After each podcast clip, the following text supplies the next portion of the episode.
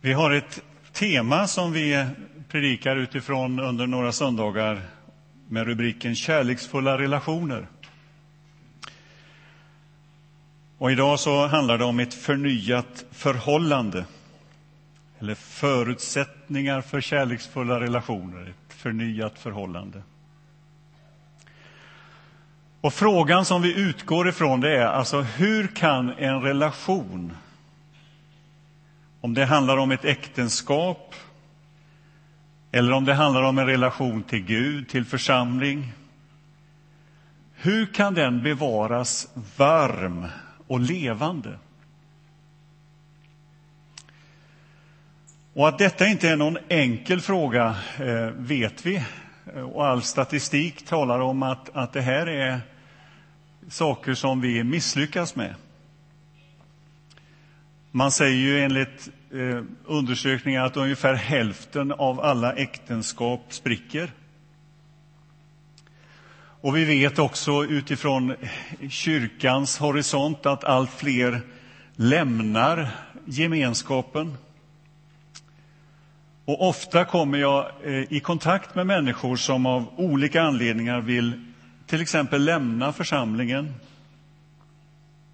och många gånger har jag suttit i, i långa samtal med par som känner att det håller på att spricka i deras relation, om det nu inte redan har skett. Och låt mig redan från början säga så här att relationer och förhållanden kan av olika anledningar gå i sönder och spricka. Och jag vill aldrig på något sätt eh, tala nedsättande eller dömande eller slappt om förhållanden som spricker. Det är vår största utmaning. Och vår uppgift som församling är ju att så långt det är möjligt ge stöd och hjälp i olika situationer. Och den stödet och den hjälpen börjar nog med att jag själv har en, en mycket ödmjuk inställning till min egen sårbarhet, utsatthet och brist. Där måste det börja. Nu vill jag idag rikta fokus speciellt på eh, relationer mellan makar, att leva tillsammans i nöd och lust. Och du som då inte lever i en sån relation, du behöver inte gå, utan du får gärna sitta kvar. Eh, Därför att det jag säger idag kan sättas in i många relationer och i många förhållanden av olika slag.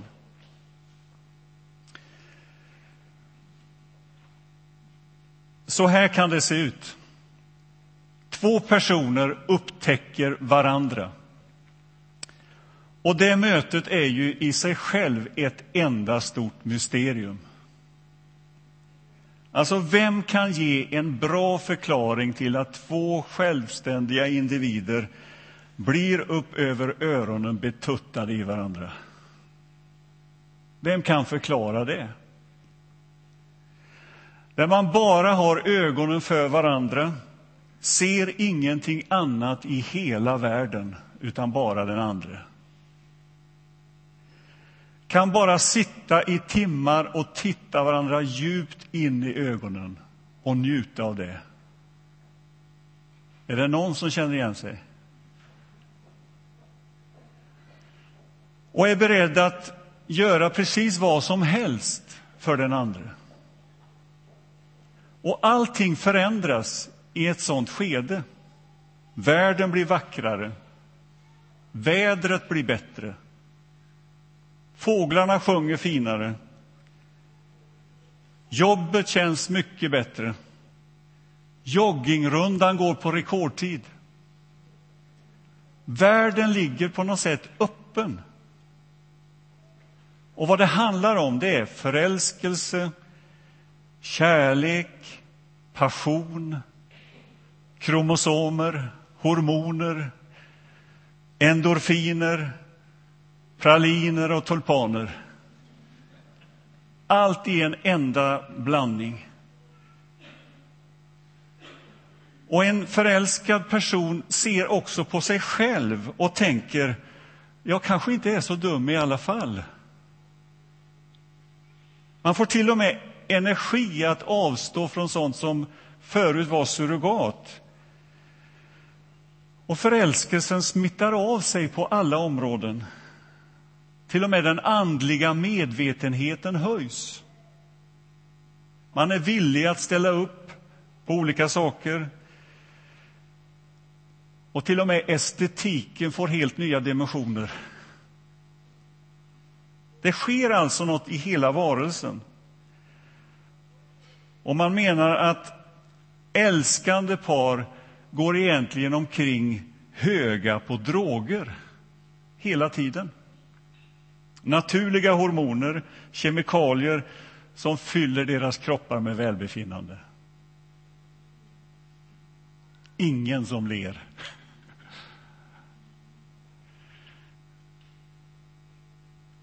Man ser livet i rosenrött, pulsen slår snabbare, ökad energi. Och förloppet är egentligen oförklarligt, säger man. Men forskarna menar att vid ett sådant skede äntligen finner eller återfinner ett slags ursprunglig helhet. Det går på djupet. Och man kallar det för olika fenomen som uppstår i den här förälskelsefasen. Ett sådant fenomen är igenkänningsfasen, eller momentet, eller fenomenet. Och man säger ja, men det känns som vi har mötts tidigare.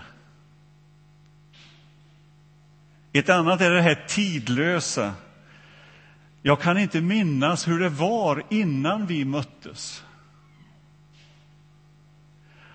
Och en annan är det här återfinningsfenomenet som säger att jag känner mig hel tillsammans med dig. Och beroendefenomenet som säger jag kan aldrig leva en sekund utan din närhet. Allt är uppåt. Och vi visar en pil som pekar rakt uppåt.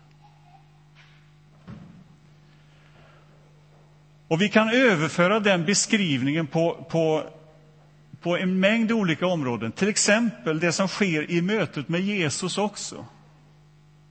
Det handlar om en ny födelse, ett nytt liv. Man får en enda sak för ögonen. Och i, när det gäller tro så handlar det om Jesus.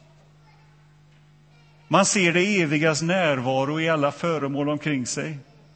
Gränsen mellan heligt och trivialt suddas ut.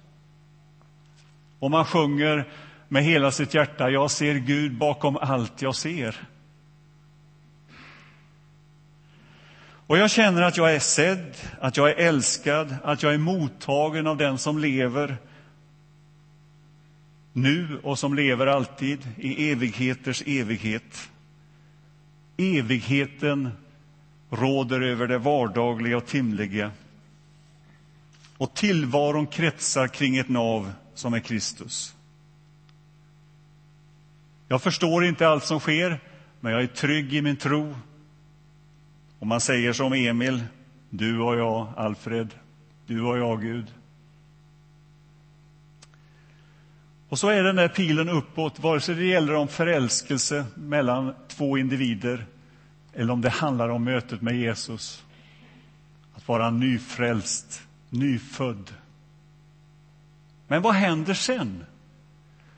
Jo, den där starka, kraftiga, uppåtgående pilen planar ut efter ett tag. Och när det gäller paret som har hittat varandra så börjar man så småningom ta en närmare titt på varandra. Och så upptäcker man att det man tidigare drogs till och fascinerades av, att det börjar bli ett problem. Det som man förut tyckte om börjar helt plötsligt bli irriterande. Och det blir kallare i relationen. Man tappar språket och lusten. Och det vanligaste scenariot är att någon av dem, för det mesta kvinnan i relationen, börjar signalera att någonting är på tok. Och mannen då kan reagera på flera olika sätt. Ett sånt sätt är förnekelse. Vadå, vi, vi har väl det bra? Du skulle se Kalle och Stina, de har det inte bra. Men vi har det bra. Och han tar inte in den här signalerna utan tänker att det, det lägger sig nog snart. Och en annan reaktion är försvar. Skulden och orsaken till gnistret skjuts på att ja, men jag har ju så mycket på jobbet. Och istället för att ta in situationen så försöker man bevisa att signalerna är på något sätt obefogade. Och det här är samma typ av försvar som partiledaren som på valnatten har gjort ett katastrofval säger att vi nådde inte riktigt ut. Vi hade rätt politik, men det gick inte. Och Det finns en mängd andra såna här försvarsmekanismer. Och Oftast är det den andre, eller i en församling, det är de andra det är fel på. Inte är det väl jag, Herre. Nu är det ju så att, att, att ständigt leva i den här förälskelseprocessen det skulle nog lamslå de allra flesta. Och vi, och vi behöver ju egentligen inte påminna varandra om att, att det där går över efter ett tag. Vi genomgår olika faser i våra relationer. Och det gäller på något sätt att hela tiden jobba med relationen. Och jag brukar säga till par som jag viger att nu handlar det om en början på någonting. Nu börjar äktenskapandet. Ett pågående arbete som vi hela tiden har att jobba med. Kommunikation, tid, öppenhet, samtal, kurser. För ett par månader sedan hade vi en sån här dag tillsammans med par som heter Kärlekens fem språk. Där vi satt och pratade om hur kommunicerar vi med varandra. Mycket nyttigt. Så vad som händer är ju att linjen här, eller den här strecken, den här pilen, håller på att planas ut. Och plötsligt så är inte den vackra och inbjudande, eller plötsligt så är den vackra och inbjudande kvinnan trött och ledsen eller den trevliga och sällskapliga mannen helt plötsligt är frånvarande, otillgänglig, rastlös. Och en maktkamp börjar. Och då är frågan, är det möjligt att förnyas på nytt? Är det möjligt att finna tillbaka till något av vad som skedde här, när vi var på väg uppåt? Går det?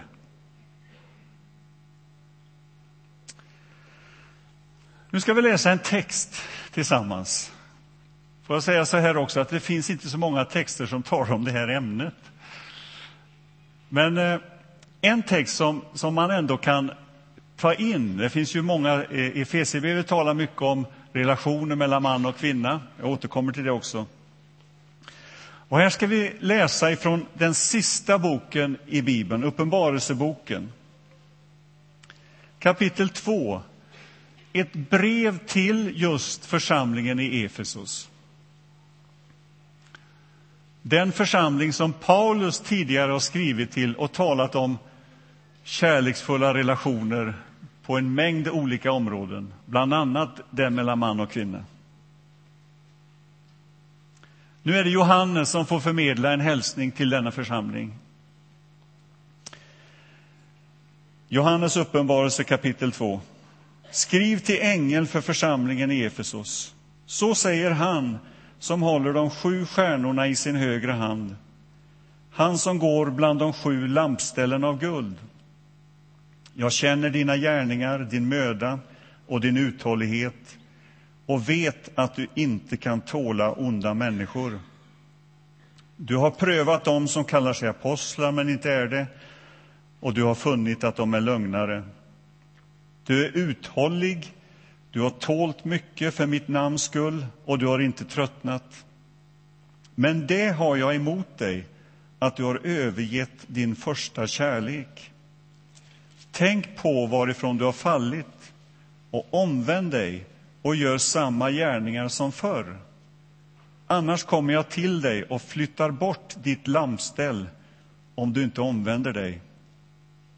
Men den förtjänsten har du att du avskyr nikolaiternas gärningar, som jag också avskyr. Du som har öron, hör vad Anden säger till församlingarna. Åt den som segrar ska jag ge att äta av livets träd som står i Guds paradis. Det här brevet är skrivet till en ganska ung församling. Det har alltså inte gått så lång tid mellan förälskelsen och den situation som man nu befinner sig i. Fortfarande fungerar arbetet. Det har varit påfrestningar, men man har härdat ut. Och det verkar på något sätt när man läser det här brevet att församlingen hade hamnat i någon slags ja, grå vardagens slit. Med arbete, tidspassning, logistik, engagemang, uppgifter. Men någonstans där, mitt i det vardagliga, så hade man tappat den första kärleken. Man hade förlorat blicken, eller perspektivet, det centrala.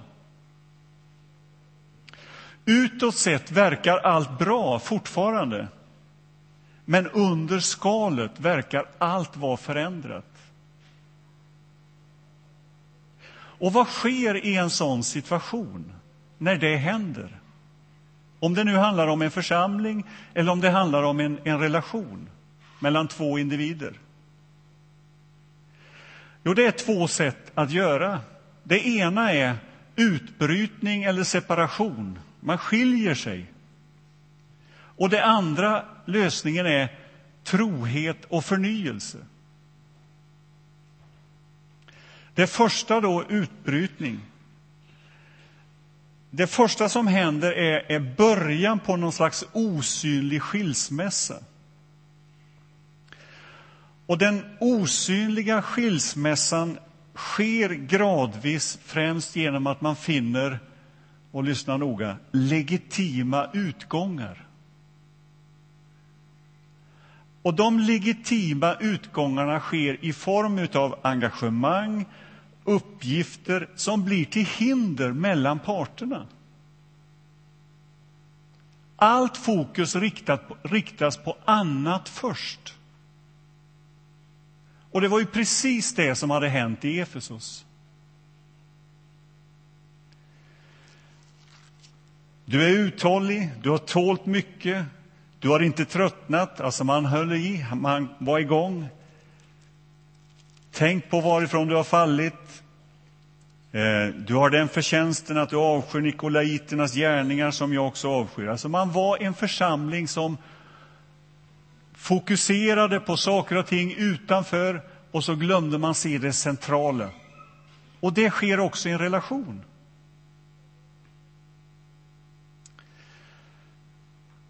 Fokuset riktas på annat först och tiden för varandra minskar. Blicken på varandra avtar. Och det här sättet det sker på är, är oerhört genialiskt, men oerhört förrädiskt.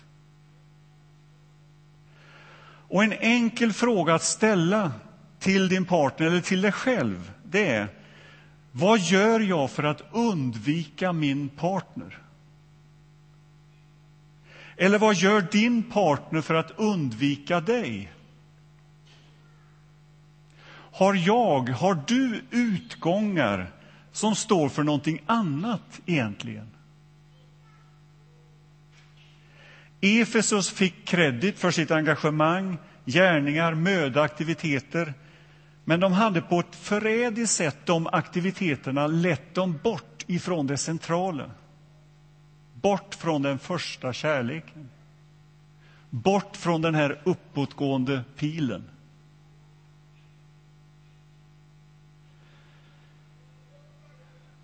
Jag mötte ett par för samtal och vi tog upp just den här problematiken. Undvikandet och utgångarna. Och vi förstod att detta var den stora boven i deras relation. Han stannade kvar längre på jobbet. Han hade mycket att göra i garaget. Han hade båten, han hade sporten, han skulle lära sig tidningen utantill och så vidare. Engagemangen i olika uppdrag. Och listan blev lång på legitima utgångar och anledningar som i, i själva verket separerade dem från den närhet, intimitet, kommunikation, dialog som är nödvändig för en relation. Och de här utgångarna var egentligen uttryck för någonting som hade skett här inne i hjärtat, hjärtats övergivande. Och de här utgångarna fick svåra konsekvenser för deras gemensamma liv.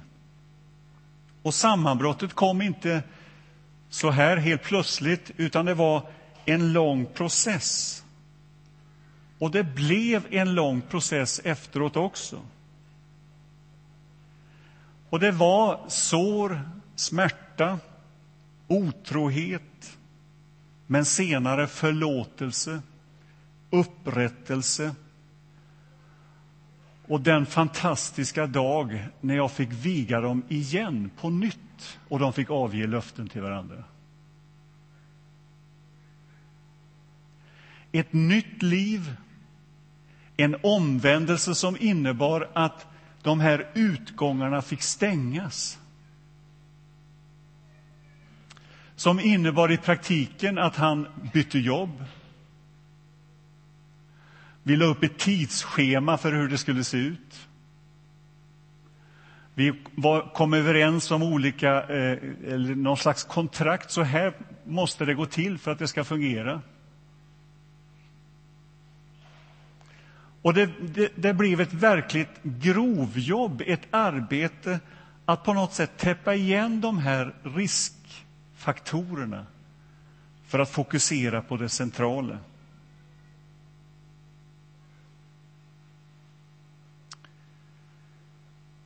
Det andra är ju då trohet och förnyelse, den andra lösningen. Och vi har ju redan kommit in på den. Övergett din första kärlek, sägs det här till Efesus. Den här kärleken det talas om, det är, det är inte vilken kärlek som helst. Det är agape, alltså den osjälviska kärleken, den utgivande kärleken. Guds kärlek. Den som har sitt fokus på den andre och den andres behov. Den som är beredd att tjäna den andre. Den som har ett fokus, att frälsa oss. Och det är den kärleken som Paulus talar om till Efesierna tidigare i, i Efesiebrevet. Där han talar om att älska varandra så som Kristus har älskat församlingen eller kyrkan och utgivit sig själv för henne. Och nu uppmanas Efesus på något sätt att stänga de här utgångarna och tänka på varifrån man har fallit, eller vart man kom ifrån. Alltså, välsignelsen skall återvända där den rann ut en gång. Alltså tillbaka till den första kärleken, vars största ingrediens är trohet. Och där uppmaningen hela tiden är överge inte. Stå kvar. Så Efesos, som, som tidigare har fått uppmaningen och utmaningen att älska varandra så som Kristus har älskat, de får nu uppmaningen att återvända på något sätt till, till basic. Ta tag i där ni började. Vad var det som fascinerade dig? Vilka drömmar, vilka visioner fanns? Vad var det du såg? Vad var det du drömde om och tänkte om? Ta tag i det. Tänk på varifrån du har kommit. Omvänd dig, gör gärningar, säger Jesus till församlingen. Tänk på från, från varifrån du har fallit, omvänd dig och gör gärningar. Alltså i den ordningen. Varifrån utgick vi en gång i den här? Vad fanns här, på den här uppåtgående pilen? Vad präglades det utav? Vilka ingredienser fanns där? Vad såg jag? Vad drömde jag om? Vad tänkte jag om? Omvänd dig, alltså vänd tillbaka dit igen. Försök att hitta de där trådarna igen. Genom kommunikation, samtal, tjänande, överlämnande, nya överenskommelser. Och gör gärningar, alltså låt det få konsekven konsekvenser i konkreta handlingar. Jag brukar säga till paren också som jag viger, köp blommor och funkar det inte så skicka räkningen till mig. Alltså, förstå tanken att hitta det där, hur kan jag göra mig själv älskvärd och hur kan jag på något sätt visa min kärlek till min partner? Ta tag i ditt äktenskapande. Det är egentligen det som är budskapet. Stäng de utgångar, legitima utgångar som tar bort energin och uppmärksamheten från äktenskapandet.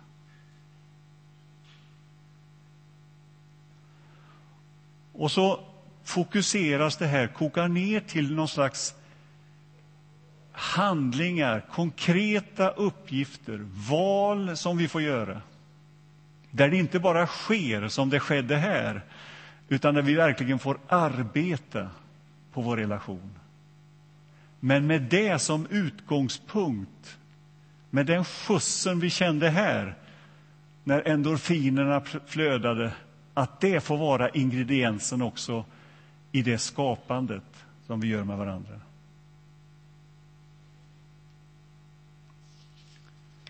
Och för att omsätta det i det vi började, i en församlingsgemenskap, vad handlar det om där? Jo, det är samma ingredienser. Trohet, stå kvar, var med, kom igen med din insats, ställ upp. Inte i den meningen att vi ska ställa upp på allt och alla, utan hjärtats överlåtelse. Låt hjärtat vara med. I där du står, i där du finns. Och till det faktum att jag kan inte leva utan gemenskap. Jag kan inte leva som kristen för mig själv. Jag behöver andra.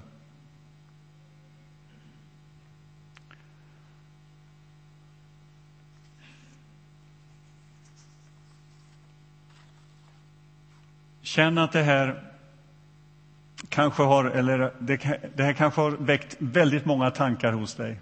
Och jag skulle vilja avsluta med att, att säga om du vill samtala, om du vill dela ditt liv eller ert liv, gör det. Vi finns, det finns andra möjligheter Huvudsaken är att du gör det, tar tag i din situation om du känner att det här behöver vi göra. Och kom ihåg att han som älskar dig och han som älskar oss vill gå med oss i livet. Gud är kärlek. Och Det betyder att han aldrig kan vara frånvarande från det som sker i vår vardag. Det betyder att han engagerar sig i våra liv. Och vi får bjuda in honom i våra liv och i våra relationer. Amen. Vi ber.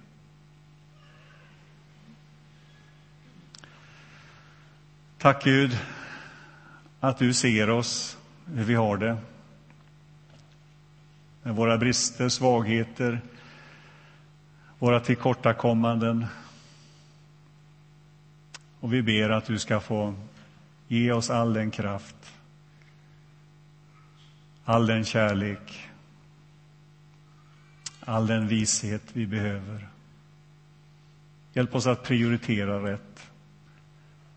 Hjälp oss att satsa på det som ska komma först. Hjälp oss, Herre, att vara fokuserade. Hjälp oss, Herre, att vara klarsynta. Kom du gode helige Ande och led oss och fyll oss. Och jag ber om välsignelse över de relationer vi står i. Du vet hur de ser ut. Herre, tack för att du vill läka, att du vill hela och upprätta. Att du vill hjälpa oss. Kom, helige Ande. Tack att du är här mitt ibland oss. Tack att vi får överlämna oss till dig. Amen.